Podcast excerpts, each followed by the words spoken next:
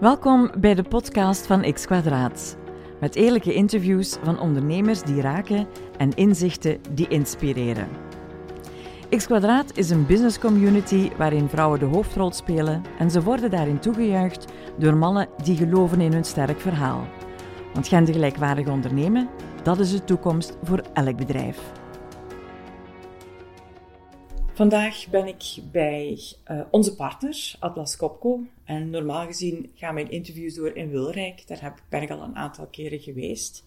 Maar ik, zit, ik speel nu een thuismatch veel meer. Ik zit in Hoeselt bij Atlas Copco. En ik heb er een uh, babbel met Sophie Kremers. Dankjewel Sophie dat uh, ik naar hier mocht komen. Jij bent, of onder jouw titel staat, onder jouw naam staat, transport- en shipping manager. Maar je kunt me misschien eventjes uh, vertellen wie dat je bent. Uh, een beetje je achtergrond, je opleiding en zo. Dus uh, ik zou zeggen, shoot.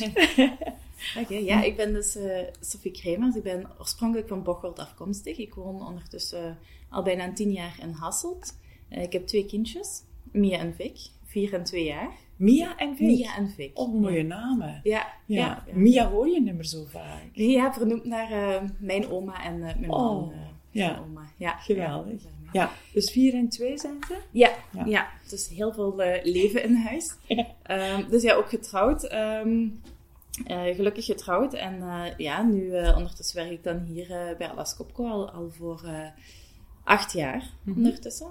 Um, ja, ook gestart in Wilrijk trouwens. Daar heb is zes, jaar, ja, zes jaar heb ik daar uh, doorgebracht. Oh, vanuit uh, Limburg? Vanuit Hasselt, ja, ja, ja, vanuit Hasselt. Ja. files. Ja, ja, heel veel in de auto gezeten. Dat ja. geloof ja, ik. Ja. Ja. ja, en toen dat mijn dochtertje um, ja, een paar jaar was, toen had ik toch zoiets van nee, dit is toch te veel tijd dat ik in de auto doorbreng. En uh, kwam deze opportuniteit. Ja. Dichter bij huis. Ja. Oké.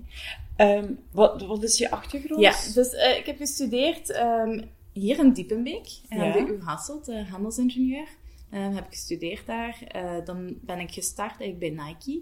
Daar heb ik drie jaar ah, gewerkt. Ja. Ook een groot huis. Ja, ja ook heel interessant. heel groot bedrijf.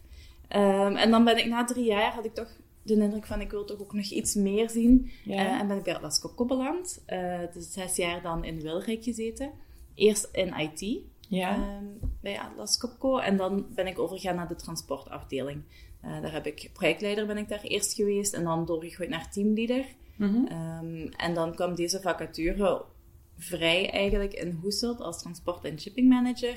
En heb ik dan daarop gesolliciteerd en uh, die Ja. functie heb ik dan nu twee jaar. Oké. Okay. als je zegt transport- en shipping manager, daar kan ik me iets bij voorstellen. maar kun je iets meer toelichting geven van wat dat precies inhoudt? Ja, dus hier in Hoeselt, uh, wij verpakken hier een, bijna 3000 pakjes per dag. En dus onze warehouse uh, is bezig met al dat te verpakken, hè, te pikken en te pakken. Uh, wij als team, wij zorgen eigenlijk dat al de documenten beschikbaar zijn. Wij zorgen ook dat er een transportoplossing beschikbaar is. Ja. Uh, dus wij houden ook een beetje rekening met luchtvracht ten opzichte van zeevracht en dergelijke, die ja. transportmix. wij proberen ook de juiste contracten te negociëren. -hmm. Dus prijsonderhandelingen, maar ook kijken dat we de juiste partner hebben. Hè. Als, als Atlas Copco zijnde willen we ook met bedrijven samenwerken waar dat we een klik mee hebben. Ja. Omdat we ook voor de lange termijn visie gaan, ook in onze transporten. Ja. Um, dus dat is een beetje wat dat we doen. Um, we nemen natuurlijk de stem van de klant daar heel hard in mee. Mm -hmm. uh, en dat is ook een beetje leuk aan de job, vind ik persoonlijk. Ja. Uh, je bent heel hard bezig met getallen. Heel analytisch. Uh, maar aan de andere kant heb je aan de ene kant het contact met onze klantencentra over heel de wereld. Hè. Dus ja. als je iets gaat versturen naar Brazilië, moet je ook weten dat het daar goed behandeld kan worden. Hè. Dat die eigenlijk, die goederen over de transportflow, dat het ook vlot verloopt. Mm -hmm. um, dus heb je ook heel veel contact met onze klanten in Brazilië. En aan de andere kant ook met onze transporteurs. Ja. Uh, dus dat is eigenlijk een hele mooie mix tussen het analytische en eigenlijk het communicatieve, die interactie. Mm -hmm. uh, die je niet in iedere functie vindt eigenlijk. Ja, dat is, ja nee, dat is ook zo. Maar als je dan spreekt over Brazilië, laten we dan eens eventjes voor corona bekijken. Reisde jij dan ook regelmatig naar Ginder, omdat menselijke contact, of was, gebeurde toen al veel online? Er gebeurt natuurlijk heel veel online. Ja. Um, maar ik denk, um, een paar keer per kwartaal gaan we toch wel uh, naar onze klanten toe of, of uh, afhankelijk van de projecten. Um, als we iets nieuws kunnen opzetten, bijvoorbeeld, uh, dan gaan we ook naar, ik denk vorig jaar, deze tijd, zat ik in Zuid-Afrika, naar ons, in ons klantencentrum in Zuid-Afrika. Ja. En waar we daar ook oplossingen aan het bekijken. En dat maakt het heel interessant. Als je daar bent, je begrijpt veel beter wat dat een problematiek is, dan als je hier zit. Maar natuurlijk, het is ook geen job, gelukkig, en daar ben ik blij om met de twee kleine kindjes dat ik dagelijks in huis ben. Uh, nee. Dat is het helemaal niet. Nee. Ja. Maar dus het is een mooie moet je er wel eens gaan kijken om oplosgericht te kunnen ja, gaan denken. Ja, inderdaad. Om te begrijpen wat dat er in de lokale markt leeft en speelt. Hè. Ja. ja. Nu, ik weet wat dat ze in Wilrijk doen, omdat ik daar natuurlijk al een aantal keren geweest ben. Ik ben hier, ik ben hier quasi onder deze kerktoren geboren, dus jullie, dat gebouw staat hier al heel lang. Maar ik heb me altijd gevraagd wat jullie hier in Hoesel precies doen. Ja. Dus wij zijn echt een distributiecentrum. Ja. In uh, Wilrik heb je fabrieken en een distributiecentrum. Hier is het enkel distributiecentrum. Dus dat betekent dat de goederen uh, van de verschillende business areas, zoals wij dat noemen binnen ja. Atlas Copco, dus takken mhm. van Atlas Copco, um, dat die goederen naar hier komen vanuit onze eigen fabrieken. Bijvoorbeeld in Zweden ligt er een groot fabriek. Mm -hmm. uh, maar ook van externe leveranciers. Al die goederen komen naar hier. Wij beheren de voorraad daarvan en wij versturen die wereldwijd. Dus dat is ook een, een hele belangrijke... Ehm, Jullie zijn een belangrijke schakel. Ja, ja dagelijks factureren we hier toch een 3,3 miljoen euro. Dus, dagelijks? ja, dagelijks. Dus hier passeert dat is een heel, heel belangrijke schakel. Ja, ja. Ja. dat is ook een van de, ja, de grote schrik die we hadden hier met corona. Ehm, als wij hier niet kunnen werken, ja. dan, gaan er, dan gaan de klanten van Atlas Copco wereldwijd geen goederen ontvangen voor onze business areas. Ja, dus, dus heel, heel belangrijk natuurlijk dat wij operatief kunnen blijven. Dat kan ik me voorstellen, want dat krijg je anders een geweldige kettingreactie. Ja, tuurlijk. Ja. En wij leveren ook aan um, um, fabrieken die bijvoorbeeld hè, paracetamol maakten toen. Of, ja. Uh, dus het is wel belangrijk dat onze goederen ook wel geraken tot bij onze klanten die het dan ook weer nodig hebben voor producten te maken die dan weer goed zijn voor de gezondheidssector bijvoorbeeld. Het is een mooie keten. Hè? Ja. ja. ja zo belangrijk werk. Heel eerlijk gezegd op dit moment. Ja. um, nu, je maakte de overstap van Nike naar Atlas Copco. Was dat een bewuste keuze dat het Atlas Copco was, of was het een, een opportuniteit? Het was eigenlijk, eerlijk gezegd, toevallig. Ja. Um, Atlas Copco was geen bedrijf dat op mijn radar stond. Ook hier in Limburg was het iets minder bekend. Um, maar ik had dan de tip gekregen om daar toch eens te gaan horen. En vanaf het eerste gesprek, ik was, ik was onmiddellijk verliefd. Hè, want het was in Antwerpen. En, en, ik weet nog dat ik zei tegen mijn vriend van... Goh, ik ga niet elke dag naar Antwerpen. En dan kwam ik terug van het gesprek en dacht ik... Oh ja, toch wel heel leuk. En zo bleef het doorgaan totdat ik uiteindelijk getekend heb. En ik ben nooit meer vertrokken. Ja. ja. Het is een heel open bedrijf, denk ik. Hè? Ja, heel open. En wat ik ook zeer leuk vind aan het bedrijf is uh, de verantwoordelijkheid die je krijgt en de vrijheid. dus je kan echt wel je stempel drukken maakt niet uit welke functie je doet. Je kan echt je stempel drukken op je eigen werk, op als Copco. Ja. Uh, dus je mag intrapreneur zijn in, ja, een, in een onderneming. Ja, en dat is zeldzaam, vind ik. Alleen, dat zie je niet elke dag. Nee, maar ik hoor het wel iedere keer opnieuw van, bij elk interview dat ik doe voor Atlas Copco, dat het telkens, dat het intrapreneurschap heel erg gewaardeerd wordt en gestimuleerd wordt ook. inderdaad. Um, dus als jij jouw job inhoudt, dat betekent dus enerzijds dat je met cijfers bezig bent, heb je me gezegd, uh, en dan anderzijds het klantenbestand. Wat moet ik me daarbij voorstellen? Als je zegt met cijfers bezig zijn, want dat lijkt voor ons zo een beetje, voor mij is het een ver van mijn bedshow. Dus kun je dat iets meer um, duiden? Ja. Is het zo dat, man, hou je voorraden bij in functie van het verleden? In de zin van, wat hadden we toen nodig en wat denken we dat we nodig gaan hebben in functie van forecasts die jullie doen of zo? Dat is inderdaad een, een taak dat hier gebeurt, maar dat is een ander team. Ja. Dus dat is niet in, in het team van transport en shipping. Maar inderdaad, daar wordt op basis van forecast en, en van uh, belangrijkheid van de producten eigenlijk, mm wordt er voorraad aangelegd. Wat wij eerder doen in ons team, is effectief gaan zien um, wat is de beste transportoplossing. Ja ons transportbudget is ook vrij hoog, zou ik maar zeggen. Dus er gaan aardig wat kosten. Ja, 3 miljoen drie per dag gefactureerd, dat kan ik me voorstellen. Ja, dus uh, transportkosten zijn ook vrij hoog. Waardoor dat daar toch wel analyses op moeten gebeuren van oké, waar gaan onze kosten naartoe? Uh, waar zien we deze stijgen? Kunnen die gaan optimaliseren? Is er een betere mix mogelijk? Uh, zijn we heel veel lucht aan het verschepen bijvoorbeeld? Dat we echt die optimalisaties kunnen doen en dat je daar dan ook een zicht op krijgt, want we versturen wereldwijd.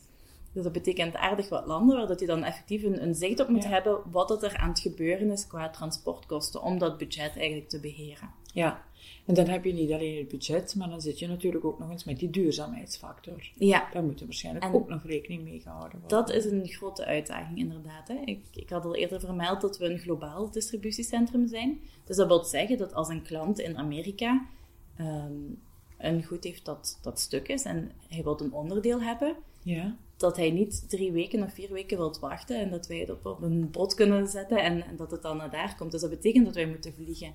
Dus er wordt aardig wat gevlogen mhm. vanuit dit distributiecentrum.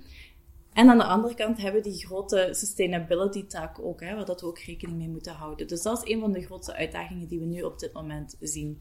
Uh, we zijn verschillende opties aan, aan het overwegen, onder andere sustainable fuels, omdat dat de combinatie van de twee toch wel mogelijk maakt. Want je hebt de service die je moet garanderen, maar ook de sustainability. Mhm. En zou het dan met momenten niet beter zijn dat er ook distributiecentrum in de verschillende werelddelen zouden zijn? Of wordt het dan niet behapbaar meer omdat het bedrijf zo groot is? We hebben, dat hangt een beetje af van de tak van Atlas Copco. Ja. Um, dus want we hebben distributiecentrums in China en in Amerika. Ja. Uh, maar dat wordt niet gebruikt voor elke bedrijfstak. Ook voor, voor strategische redenen. Ja. Um, de waarde van de goederen. Uh, ja, ja, ja, ja. Ja, dus als je overal voorraad moet gaan leggen, is dat ook niet altijd optimaal. Nee, dat klopt. Dat is ook zo. Ja. Um, als je voor zo'n bedrijf werkt, gelijk Atlas Copco, kun je eens omschrijven hoe een werkdag er voor jou uitziet. Een gewone werkdag, laten we zeggen. Uh, niet in corona-werkdag. Ja. Dat is sowieso dat met twee kleine kinderen al een hele andere uitdaging. Maar in normale omstandigheden, zeg maar. Ja. Um, ja, s morgens natuurlijk heb je de ochtendrush thuis, hè? de kindjes klaarmaken. Um, Want je man werkt ook uit huis? Ja, ja, mijn man werkt inderdaad ook uit huis. Dus um, we hebben daar een, een, verdeling in. De ene brengt, de andere haalt, -hmm. afhankelijk van de dag en waar dat we moeten zijn. Um, dus s morgens proberen we ze samen een beetje klaar te maken. De ene vertrekt dan naar het werk, de andere brengt de kindjes naar school.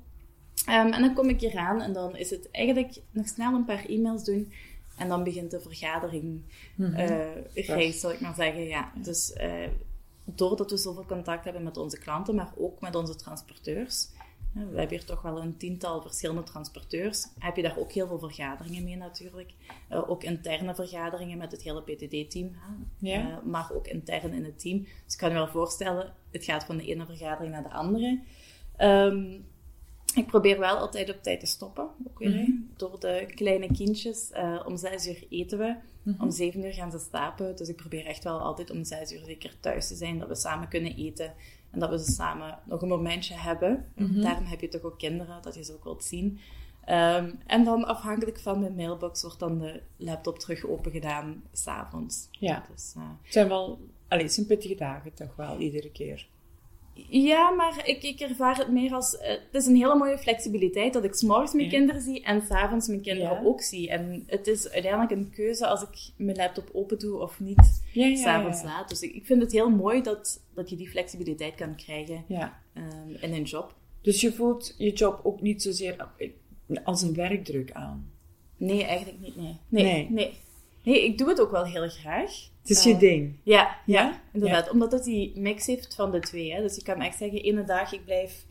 Ik praat met niemand en ik, ik concentreer me op de getallen. En de andere dagen doe je niks anders dan mensen bellen. En, en eh, Ja. ja, dat vind ik een, een hele leuke verhouding. Ja. Ja. Wat vind je zelf nu het meest uitdagende aan je job? Ehm, het meest uitdagende, ik denk vooral de balans te houden. Omdat er zoveel landen, zoveel klanten, zoveel transporteurs.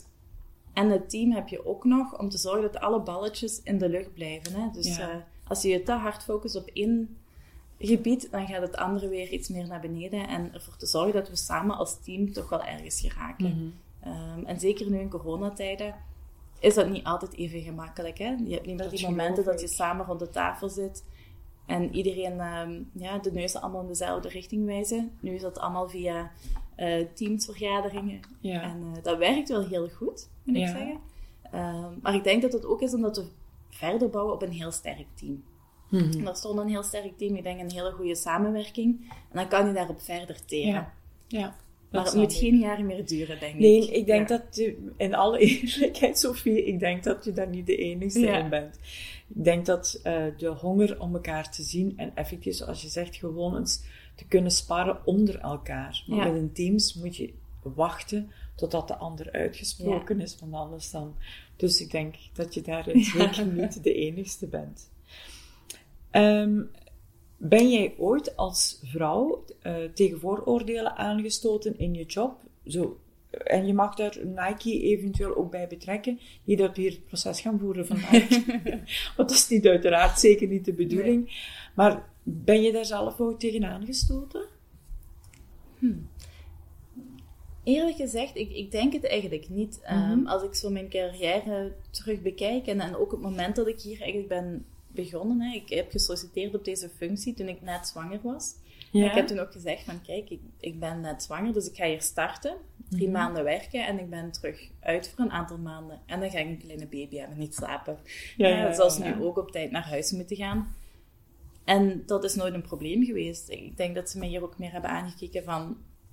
Het gaat Ja. toch over jou. Ja, En dus het feit dat je ja, sowieso dat kindje gaat hebben, dat maakt geweldig eigenlijk. Ja. Dus, dus eigenlijk, nee, daar heb ik nog nooit echt... ehm, daar ben ik nog nooit mee geconfronteerd geweest. Of toch niet, niet dat ik het zelf heb opgemerkt.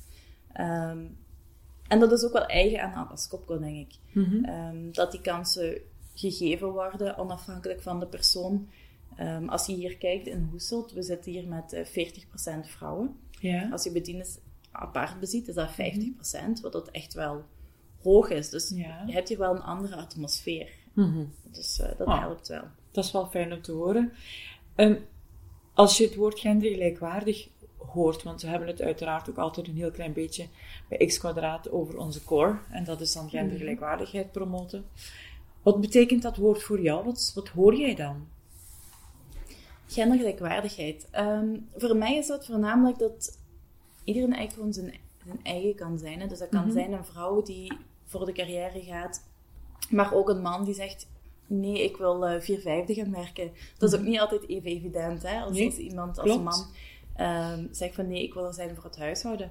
Maar dat er niet naar gekeken wordt en dat er ook ehm, naar de bigger picture gekeken wordt. Hè? Dus Ja. dat, dat men niet gaat investeren in personen omdat het nu makkelijk is, maar dat ze zien wat dat de persoon waard is en wat dat, dat op lange termijn voor een bedrijf kan betekenen. Ja. Dus dat, Ja, ik ga jou voor mijn kar spannen, denk ik.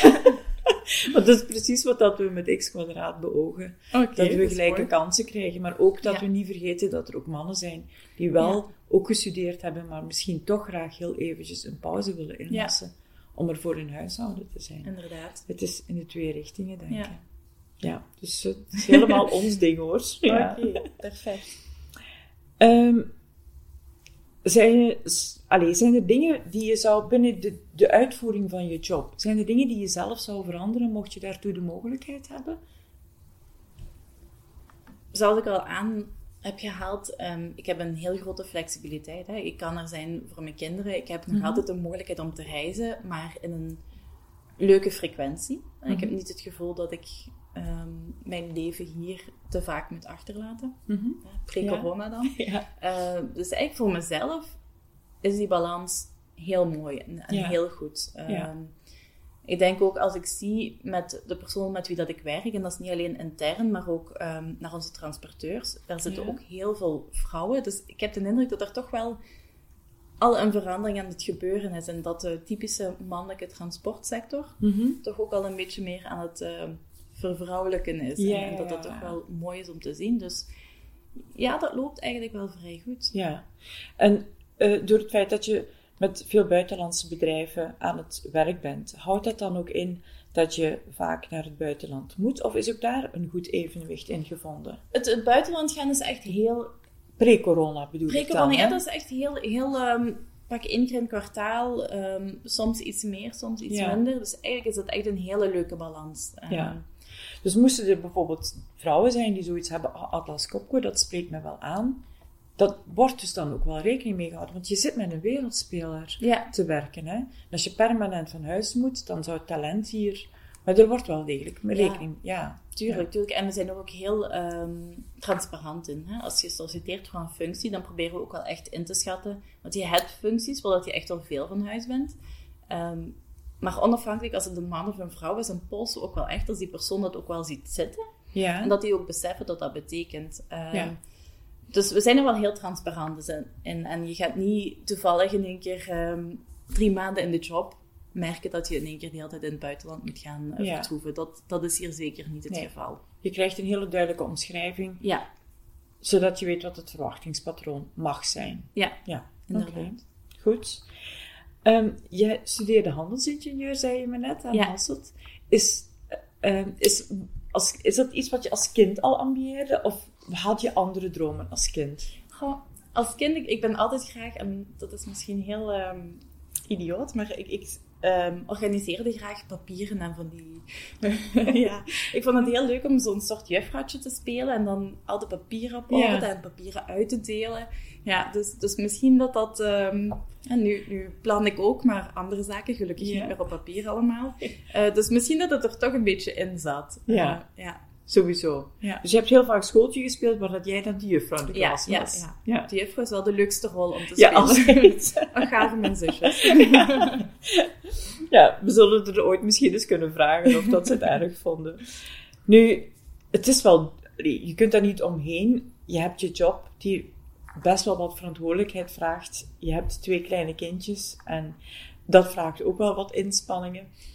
Eh, niet dat die niet helpen om je hoofd leeg te maken, maar zijn er nog andere dingen waarmee dat je je hoofd kan leegmaken? Buiten het feit natuurlijk, maar af en toe zijn kindjes ook zwaar, laten we daar Ja. eerlijk in zijn. Hè? Ik bedoel, dat is Dat niet, is- geen afbreuk. Nog aan Mia en nog aan Vincent was het. Vic, Vic. ja. Maar bedoel, dat, dat is geen afbreuk aan die, Nee. twee, aan die twee kindjes natuurlijk. Nee, inderdaad. Ja, het, het kan hevig zijn hè, Ja. met, eh, met twee kleine kinderen.